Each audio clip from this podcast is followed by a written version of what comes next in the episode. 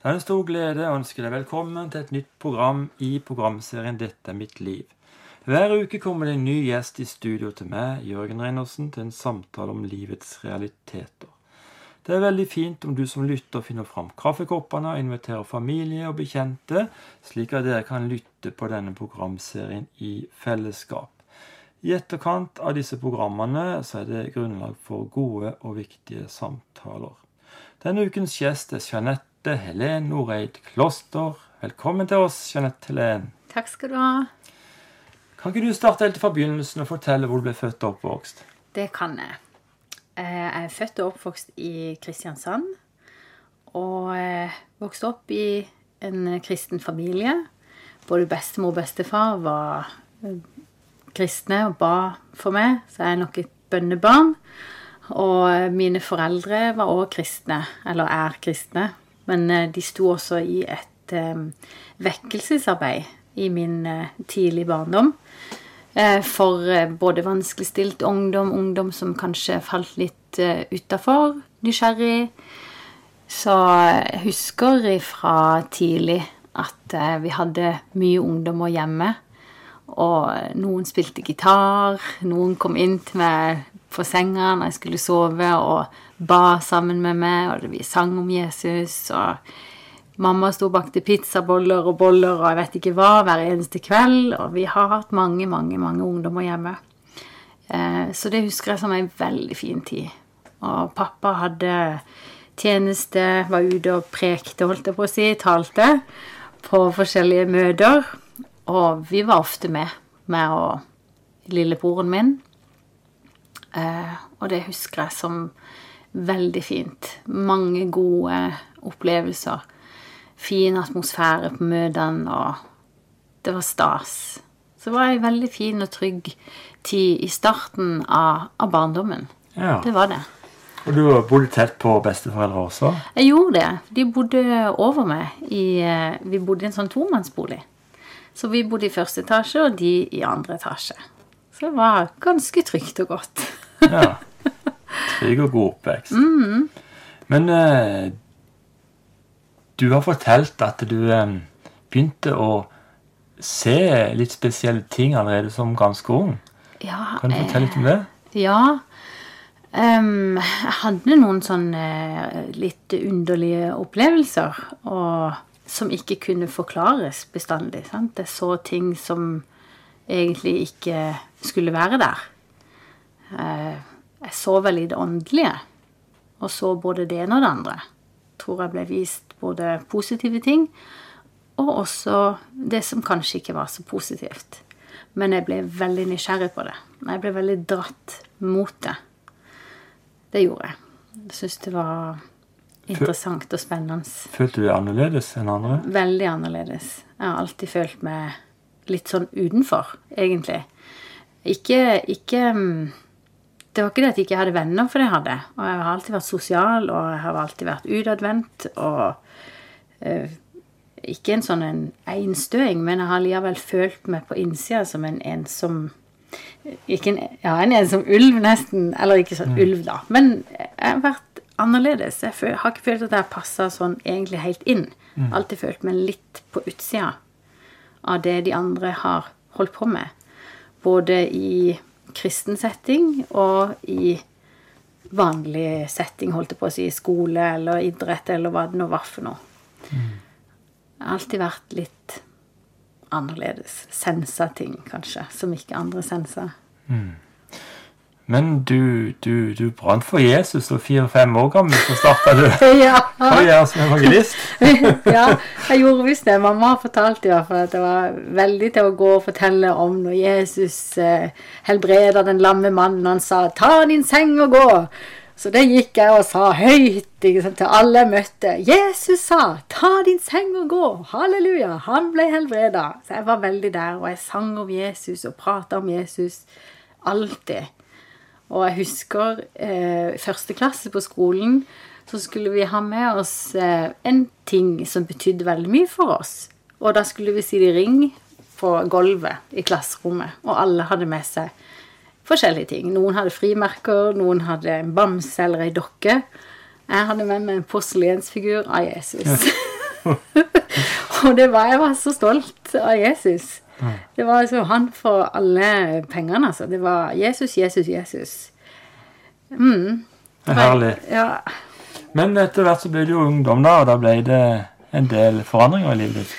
Ja, altså Jeg tenker jeg er veldig takknemlig for at jeg vokste opp på den tida jeg gjorde, fordi at vi sang jo eh, om Jesus og til Jesus hver morgen. Og sånn som jeg husker det Nå skal ikke jeg si at det var sånn, for vi husker litt forskjellig, men jeg husker veldig at vi hadde morgenandakt hver dag. Og vi sang for maten, kjære Gud, eller ja og du som etter liten fugl, eller andre gledens herre.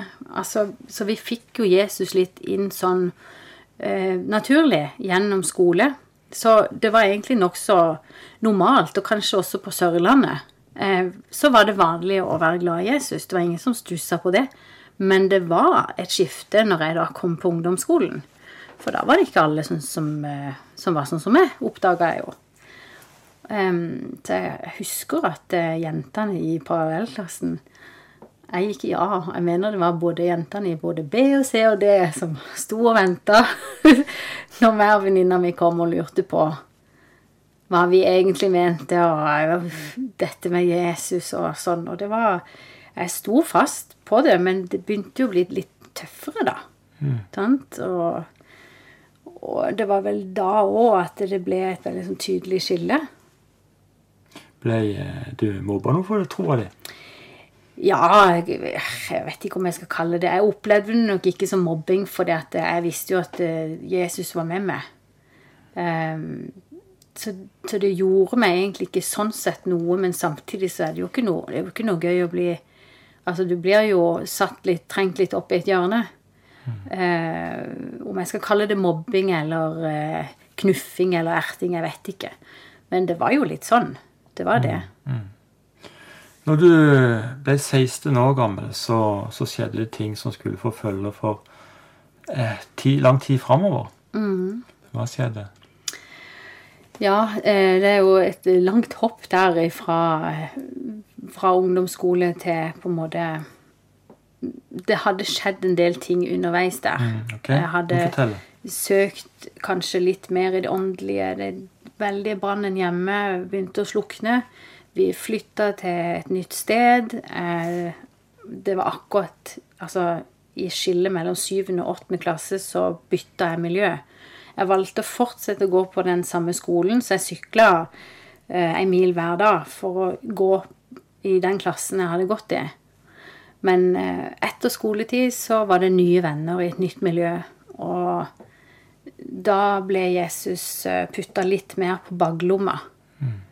Og jeg gjorde ting som for å passe inn. Jeg begynte å røyke og begynte å ja, lyve hjemme. Naska i butikk. Jeg gjorde mye dumt. Eh, og det ble mindre og mindre Jesus både for meg og hjemme i, for mine foreldre. De fikk mye trøkk rundt den tjenesten de hadde stått i, og de valgte til slutt å, å legge det på hylla. Mm. Eh, for det ble for mye, rett og slett, for dem. Så, og det påvirker jo, selvfølgelig. Um, og for å gjøre en lang eh, historie litt kortere, så ja, så løy jeg til mine foreldre om at jeg skulle være en annen plass, og så gikk jeg på fest. Og der drakk jeg mye alkohol. Jeg ble veldig full. Og så ble jeg eh, misbrukt der av to stykker. Mm. Mm. Og jeg turte ikke å fortelle noen egentlig hva som hadde skjedd. Det var ikke noe metoo-kampanje da? Nei, det var ikke det. Jeg tror egentlig ikke det var snakk om sånn type voldtektssaker i det hele tatt Nei. den gangen. Jeg var ikke helt sikker sjøl på hva jeg skulle kalle det jeg hadde vært utsatt for. Jeg bare visste at det, det jeg opplevde, var mot min vilje, og det var feil, og jeg følte meg dum, og jeg følte det var min skyld, for jeg var jo tross alt full og kunne ikke gjøre helt rede for meg. Kunne ikke gjøre motstand. Um, og i etterkant gikk de to faktisk sammen om å fortelle at uh, jeg hadde vært med på trekantsex med de. hvilket ikke var sant. Og jeg klarte ikke å stå opp for meg da heller. Jeg bare skamma meg og håpte kanskje i det lengste at ingen skulle få høre så mye om det, eller Jeg vet ikke hva jeg tenkte. Jeg frøys fast, egentlig. Det tok lang tid før du delte dette med noen andre? Ja, det gjorde det. Det tok veldig lang tid. Um, og det tok mange år før jeg kunne klare å kanskje forstå at jeg hadde blitt uh, voldtatt.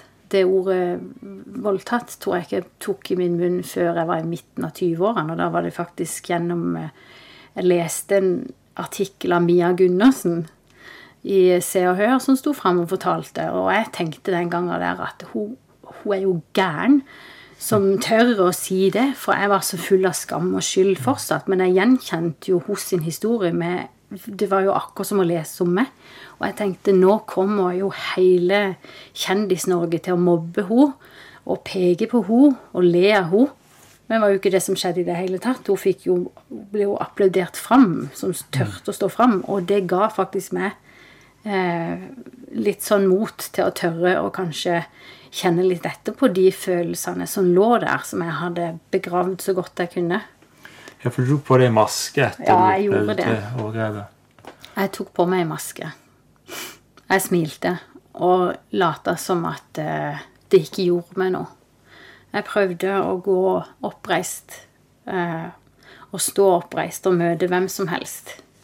Og tok på meg eh, maske. Inni meg rakna jeg fullstendig. Inni meg var jeg kjemperedd. Inni meg holdt jeg på å Ja, jeg var kjemperedd alltid. Hjertet slo alltid veldig, veldig fort. Jeg hadde veldig høy puls bestandig. Hvis jeg skulle bevege meg bare utenfor døra hjemme. Um, og det hang ved meg lenge. Jeg orka til slutt ikke å, å, bo i Kristiansand lenger. Jeg flytta fra Kristiansand til Oslo. For jeg måtte vekk.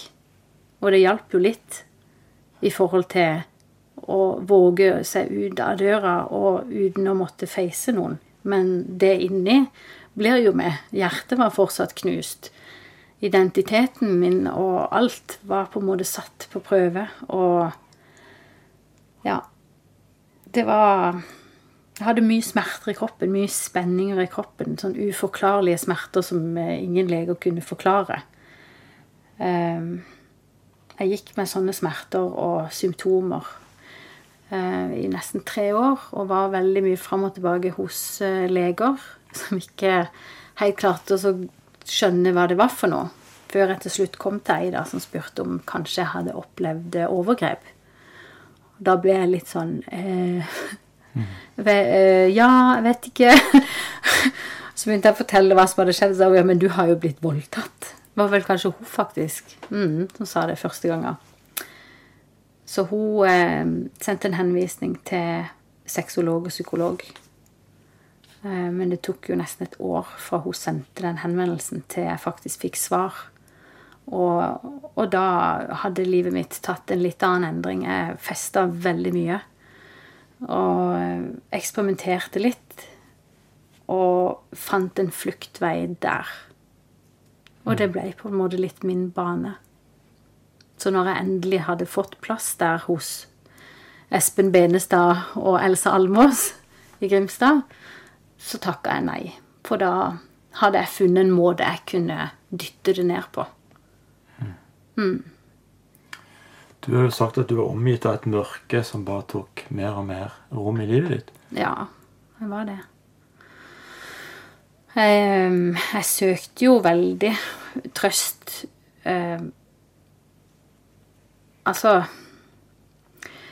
Etter dette skjedde, sant, og all den skammen og skyldfølelsen kom inn, så kom, også, så kom det også et skille eh, mellom meg og Gud. Ikke for hans ståsted, men for meg. Jeg syntes det var vanskelig å være med han. For det at jeg følte og kjente på at jeg hadde dumma meg sånn ut. Og jeg tenkte at eh, jeg burde visst bedre. Sant? Og hva skal han si nå? Hva skal jeg gjøre nå? Jeg kan jo ikke komme hjem til han nå. Jeg kan jo ikke, For meg var det ikke naturlig å søke trøst hos han i bønnen. Eller på noe vis den veien. For jeg hadde jo levd, jeg hadde jo gjort Jeg hadde jo, synda. Sant? Det var veldig den. Så jeg følte meg så fordømt av Gud i dette at jeg kjente at det, Nei, um, det var ikke så greit. Og da var det veldig fort gjort å åpne dører andre veier. Jeg syns astrologi var kjempespennende. Jeg syns tarot virka spennende. Jeg syns alt som var spirituelt, virka spennende. Så jeg heiv meg på veldig mye. Eh, og ble jo god til det, faktisk. Mm. Men eh, det fylte ikke det tomrommet som jeg hadde inni meg. Det tomrommet ble bare større og større. Eh, og fruktene i livet mitt var at jeg var veldig mye aggressiv. Veldig mye syk. Jeg var, jeg var kjempesyk. Mm. Mye sånn eh, Veldig mye migrene. Veldig ofte ordentlig sånn sjuk med feber. Um, lei, sint, på søken, aggressiv jeg hadde det ikke bra. Nei. Nei. Du lytter på programmet 'Dette er mitt liv'. Det er Jørgen Reinersen som snakker nå. I, i studio så har jeg besøk av Jeanette Helen Noreid Kloster. Og Jeanette Helen, du har jo delt eh, mye tøffe ting her. Du opplevde å bli voldtatt. Du var 16 år gammel og søkte etter hvert inn i astrologi og tarotkort og sånn, og kjente at eh, mørket ble bare dypere og dypere. Fortell litt videre derfra. Ja um, Jeg flykta jo som sagt til Oslo, og der var jeg uh, en stund. Og følte vel kanskje at uh, ting begynte å bli litt bedre. Uh, og jeg lengta hjem. Jeg ville hjem til Kristiansand. Men fortida innhenter en, og jeg var ikke sterk nok, tror jeg. Så når jeg kom hjem, så ble det ikke sånn som jeg hadde forestilt meg. Det var jo ikke noe særlig nettverk der å lene seg tilbake på. Og jeg hadde brent så mange broer gjennom den tida som hadde vært, og gjennom eh, valget jeg hadde tatt, som ikke var så bra. Um, og jeg hadde lent meg på andre mennesker òg i Oslo, og der sto jeg plutselig på, på bar bakke. Um, hadde jo selvfølgelig familie, men de, de, kan jo ikke være der for deg 24 timer i døgnet. Så, så, den tomheten og ensomhetsfølelsen og sorgen og jeg vet ikke Angst, alt, det vokste. Det ble et enormt stort hull inni meg. Og det ble fest og fest og mer fest. Og, og det dro med seg mye vondt. All den festinga. Eh, og jeg sto til slutt igjen og, og følte at jeg hadde mista meg sjøl helt. Jeg visste ikke hvem jeg var. Jeg visste at jeg ikke var den jeg var ment til å være. Jeg visste at jeg lengta etter å være den jenta jeg var um, med Jesus da jeg var liten. Og den var jeg bare ikke lenger. Mm. Um, og jeg var bare en skygge av meg sjøl. Og jeg hadde ingen tro på at Jesus ville ta meg imot. Jeg var 100% sikker på at dette var mitt lodd i livet. Altså, sånn man reder, ligger man. Mm. Det var egentlig sånn jeg trodde det var. Jeg tørte ikke å søke han ordentlig. Jeg kunne av og til finne på å synge noen kristne sanger som jeg kunne, og så kunne jeg kjenne at han var nær. Men så løp jeg og gjemte meg, for jeg tørte ikke ordentlig. For jeg følte meg jo ikke verdig. Jeg tror jeg hadde en sånn tanke om at han ikke visste alt jeg hadde gjort. At det bare var meg som visste det, og at det, hvis jeg tok Altså sånn, Hvis jeg virkelig skulle åpne hjertet mitt, så måtte jo han få vite om alt det grumset som var inni der, og det turte jeg jo ikke. For da var jeg jo sikker på at han ville avvise meg. Jeg hadde noen sånne vrangforestillinger og løgntanker om hvordan ting egentlig var. Mm. Men, men eh, denne lengselen etter Gud og lengselen etter å tilhøre han igjen og ha det sånn som jeg hadde det når jeg var liten, den ble større og større og større. Og til slutt så ble det sånn at jeg, jeg måtte bare. Og det var veldig mye mørke rundt meg. For mm. å si det sånn. Mm. Ja. det var sånn at jeg kjente det veldig fysisk også på kroppen. Jeg var så nedbrutt. Jeg hadde ingenting igjen av meg sjøl. Det var ikke noe igjen av meg lenger. Så jeg tenkte det at eh, hvis jeg nå ber til Jesus, og han ikke vil ha meg, så vil jeg bare dø. Da kan jeg like så godt dø, for jeg er så godt som død nå. Der var jeg. Så eh, jeg tok mot til meg. Jeg gjorde det. Jeg husker jeg satte meg ned på kne hjemme i stua. Så var jeg ikke helt sikker på hva jeg skulle si. Så jeg tror jeg sa Ja, Jesus, Gud, Helligånd, pappa i himmelen Altså, jeg sa alt jeg kunne klare å komme på.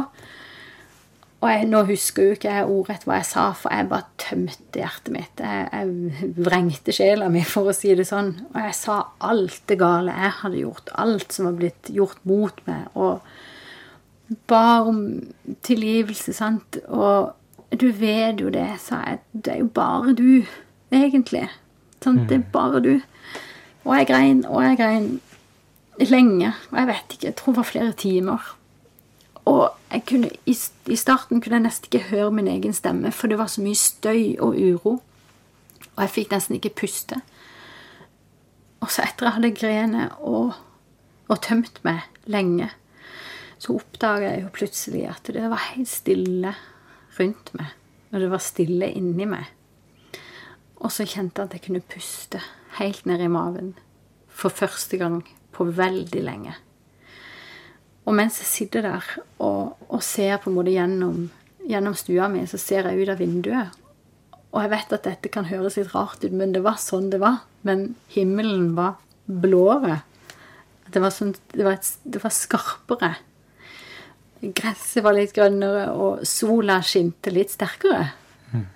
Og så kjente jeg at det, det var noe eh, nytt. Og noe allikevel som jeg gjenkjente fra jeg var liten. Den der gode følelsen som jeg huska fra møtene, fra atmosfæren hjemme når mamma de hadde disse bønnemøtene. Jeg gjenkjente noe. Og jeg trodde at det var et nærvær av Gud der.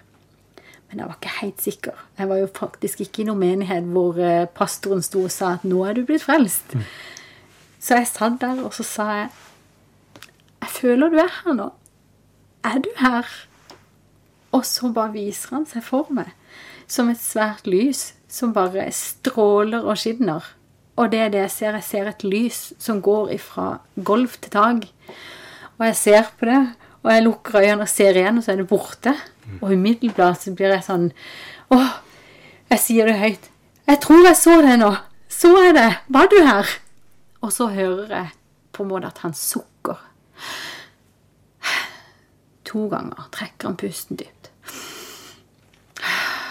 Og så hører jeg bare 'Ja, jenta mi jeg er her. Alt er ok'. og da hopper jeg opp, vet du. Woho! roper jeg. Yeah! Og jeg spretter rundt, og jeg kan ikke forklare det. Det var sikkert kjempemorsomt å se på, men jeg var, jeg var så fornøyd. Jeg var kjempeglad. Nå visste jeg liksom at OK, han har tilgitt meg, og jeg skal til himmelen. Det var liksom Det var det helt store. Og det var fantastisk. Mm. For en herlig historie. Ja. Gud er god. Gud er god. Velkommen tilbake til programserien 'Dette er mitt liv'. Jeg har besøk av Jeanette Helen Noreid Kloster i studio. Jeanette Helen, du har delt eh, mye fra ditt liv allerede. Du har fortalt om en eh, voldtekt du ble utsatt for når du var 16 år gammel. Og at du også har vært langt inn i mørket i forbindelse med at du har vært eh, aktiv med astrologi og så spådom osv.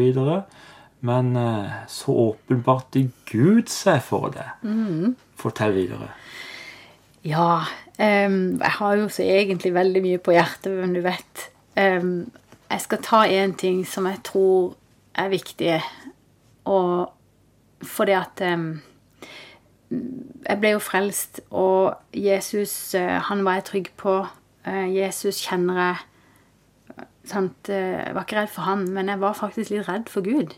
syntes det var vanskelig å forholde meg til han. Så jeg ba til Jesus og tenkte i hjertet mitt at eh, du må snakke med Gud, du, for at han er litt eh, skummel. Han var en sånn eh, Jeg så for meg han sitte i en sånn her dommerkappe og være litt sånn autoritær, streng. Og holde regnskap over alt jeg hadde gjort og ikke gjort, og ja. jeg syntes det var vanskelig. Så, men Gud kjenner hjertet mitt, han. Så eh, han sendte meg på Guds farshjerte-uke på en eh, menighet her nede i Kristiansand. Med et pastorpar fra California og Japan. Les og Sandy Hokkyo. Og det var ei kjempefin uke. Og det starta en prosess i hjertet mitt. Jeg måtte begynne å eh, la Gud jobbe bort mange løgntanker om hvem han var. Eh, og det var en prosess jeg starta på i 2013. Og eh, jeg har vært eh, syk lenge. Alt dette vonde som jeg har blitt påført, har satt seg i kroppen min. Så jeg gikk egentlig på en såkalt spill i 2013, faktisk. Så jeg har søkt Gud og, og blitt hjulpet masse med veldig mye vondter jeg har hatt i kroppen. Og han har på en måte jobba bort mange lag eh, ved meg. Jeg har blitt satt fri fra mange ting. Veldig mye. For meg skjedde ikke alt i ett nu. For meg har det vært en prosess. Og det er forskjellig for mange. Eh, men en av de tingene som har vært viktig for meg å få på plass, det er jo hvem, hvem Gud er som far. Og jeg har som sagt søkt han, og um, han har møtt meg på dypet på veldig mange plan. Eh, men det var noe spesielt som skjedde i, i, desember i fjor. For da lå jeg nokså utslått på ei treningsmatte hjemme og hadde vært i bønn og tilbedelse. Og jeg grein, og jeg hadde for øyeblikket lagd meg ei hule av et teppe som jeg hadde pakka meg inn i for ikke å være sånn forstyrra noe utenfor. Og jeg lå der, og jeg lengta etter å, å kjenne han ordentlig, ordentlig, ordentlig. Og mens jeg er der, så ser jeg plutselig i mitt indre eh, akkurat som eh, fløyel som, som, svever og blafrer. Og jeg ser en sånn en dyp, dyp, dyp rødfarve med sort i. Og jeg ser bokstavene jaspis over og mens jeg er der, så kjenner jeg bare på en fantastisk kjærlighet. Bare, jeg kjenner meg bare helt sånn nydelig og god og varm. Og så ser jeg og opp, og det eneste jeg ser, er et stort smil. Kjempestort smil. Og det er uansett hvor jeg snur meg, så ser jeg bare et smil. Og alt dette nydelige røde og svarte silkeaktige greiene er rundt meg og overalt. Så krymper jeg og blir ei lita jente. Eh, med hvit, hvit, genser og blå bukse. Og så ser jeg han eh, tar Jeg vet at det er Gud, sant? og han tar meg under armene eh, og holder meg i armhulene inni hans sine armer. Og så svinger han meg rundt. så beina mine går rett ut i lufta. Og jeg blir liksom den der lille jenta. Sånn kjenner jeg det. Og så danser han liksom bare sånn lett og forsiktig. Vugger meg fram og tilbake. Og her, det, det, han bare smiler, og han ler, og jeg kjenner på trygghet og godhet og renhet. Og der er ingenting å være bekymra for, og det er ingenting å være redd for. Og det er ikke noe undertoner av noe som helst. Det er bare godt og trygt og fritt. Og så strekker jeg meg ut så lang jeg kan bli. Armer og bein. Helt sånn. Og så ser jeg bare hans armer som kommer på utsida mine. Det er Uansett hvor stor jeg prøver å gjøre meg, så er han større. Og han omslutter meg hele veien. Og jeg får lov til å bare kjenne på at jeg kan lene meg bakover, og han er bak meg. Og han har min rygg. Og så får jeg lov å stå på beina hans sine, og så går han rundt med meg der. Mens jeg står på beina hans sine. Og så kjenner jeg bare at det, det er fred og frihet, og jeg vet han er med meg uansett. Det er ingenting jeg trenger å være redd for. Og han får meg bare til å føle meg Jeg vet ikke hva jeg skal si for noe. Uskyldig og ren og trygg og god og elska og alt på en gang. Og der fikk jeg min åpenbaring av hvem han er som pappa. Og det var så utrolig godt for meg å få pappa Gud på plass i mitt hjerte.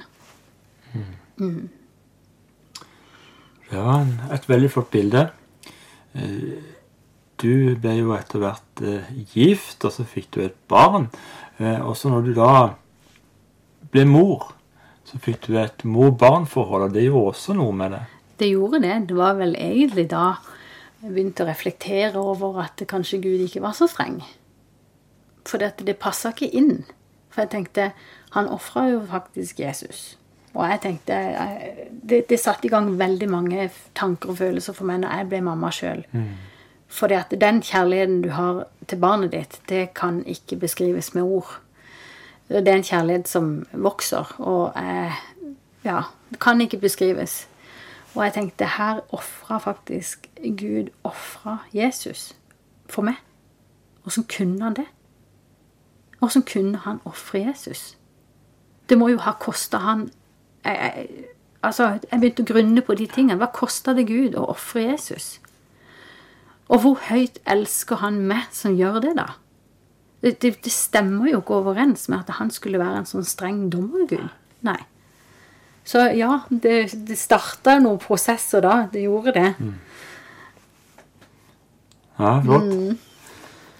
Det er viktig å bli elska og føle seg elska Ja, det er det. for at en kan være til velsignelse også for andre mennesker. Du um, ble jo også del i et arbeid som heter Bønn til indre legedom. Kan du fortelle litt om det? Eh, ja. Jeg satt vel egentlig mest eh, hjemme og hadde litt sånn sjelesorgsamtaler. Eh, jeg ble veldig leda av Den hellige ånd til å eh, Ja, jeg får en del noe som heter kunnskapsord. Eh, det er en nådegave som man beveger seg litt i det profetiske, at eh, du blir leder av Den hellige ånd til å få kunnskap om hvordan andre personer har det, og veien ut. Så det har vært kjempefint å få lov til å være å veilede andre og hjelpe andre videre ut i frihet. Og veldig ofte da har jeg blitt brukt på de områdene jeg sjøl har hatt det vanskelig og tøft i. Ja, ikke det spesielt. altså, kan Det er bare Gud som kan bruke det. altså Det, det elendige vi har opplevd, til noe godt og positivt for andre. Ja. er ikke det fint? Det er jo helt, helt enormt. Ja. Du har jo hatt eh, flere diagnoser opp igjennom kompleks angst og posttraumatisk stresslidelse. Men, men, men du sitter jo her og smiler. Ja, jeg gjør det. Ja. Og jeg er jo eh, fortsatt midt i en eh, tilfriskningsprosess, kan vi ikke si det sånn. Eh, Det er en diagnose jeg ikke har lyst til å ta eierskap i. Jeg har ikke lyst til å legge meg under det, hvis vi kan si det sånn.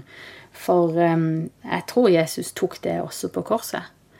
Så min vei til legedom vil, vil og kommer til å være, og har nok alltid vært, Jesus. Og det han har gjort på korset. Den som sønnen gjør fri, han blir virkelig fri. Amen. Ja. Det er fantastisk. Ja. Eh, vi hadde jo en aksjon i Kristiansand her for noen uker siden. Da traff jeg jo deg på gata. Ja, Så du er jo på gata og evangeliserer, du. ja jeg er det. Er det. Hvordan opplever du det? Eh, Det syns jeg egentlig er kjempespennende. Jeg syns det. Eh, eh, vi er jo veldig forskjellige. Vi er jo en gjeng som treffes eh, en gang i måneden med Gud i din by. Eh, og noen velger å stå på en stand vi har, og vente til de som kommer. Andre går litt på fisketur. Eh, jeg er nok litt sånn som går på fisketur. jeg liker å gå gjennom markens og så være leder. Er ikke, vi er forskjellige typer evangelister, og vi bruker gavene våre forskjellig. Men eh, jeg er veldig glad i å gå på kunnskapsord. Eh, og det jeg får av Den hellige ånd. Det er herlig. Mm. Det jeg vil tro at det er en del lyttere som, som kjenner igjen mye av det du snakker om. Noen har blitt utsatt for, for misbruk, andre har vært langt inne i mørket og, Og en del har kanskje det sånn at de opplever mørket akkurat nå. Andre er syke osv. Så videre. sånn. Har du en hilsen til dem? Jeg håper jo eh, at min historie har vært med på å hjelpe noen. Og hvis du sitter der og tenker at eh, ikke du er verdig, eller at eh, det er for mørkt, så er det ingenting som er for mørkt eller for vanskelig eller for vondt for Jesus. Han, han elsker det. Han ga sitt liv for det. Og han ga sitt liv for, for all synd. All type synd. Det er ikke noe forskjell for Gud hva slags synd det er. Om du har stjålet en kjærlighet på pinne, eller om du har drept noen, så er det fortsatt synd. For Gud er hellig. Han ser ikke forskjell på synd. Og Jesus har tatt all synd på korset. Det er ingenting du har gjort som er for galt. Så du kan komme til Jesus med ditt liv, og du kan ønske han velkommen. Og han vil ta deg imot. Han vil ikke avvise det. Det vil han ikke. Og jeg tenker eh, For den som er syk, eller for den som er sønderbrutt, så sa Jesus at han kom for å sette de sønderbrutte hjerter i stand. Han kom for å lege de sønderbrutte hjerter. Og han kom for å helbrede, og han gjorde det ved sitt blod på korset. Mm. Mm. Herlig. Kan ikke du bare be en bønn for lytterne sånn avslutningsvis her? Jesus, jeg bare takker deg. Takk for at du når inn i hjertet til hver enkelt lytter som sitter og trenger et møte med deg i dag, Jesus. Takk, Helligånd, for at du er virksom. Jeg takker deg, Jesus, for det du har gjort for oss, Herre. Shakinam. Tusen takk skal du ha, Jesus. Jeg bare ber om at du når inn akkurat nå til noen, Herre. Jesus. Takk, ja. ja. Jeanette Helen Norøy du må hjertelig tusen takk for at du kom i vårt studio i dag. Det har vært enormt sterkt å lytte til din livshistorie. Og tusen takk for din åpenhet. Jeg håper virkelig at det hjelper mange av lytterne. Må Gud velsigne deg, din familie og din tjeneste i årene framover. Det er Jarle Fjelstad som har vært tekniker i dag. Mitt navn er Jørgen Reinertsen. Neste uke er vi tilbake på samme tid og på samme kanal med en ny spennende gjest i studio. Vi ønsker deg det beste av alt. Guds velsignelse.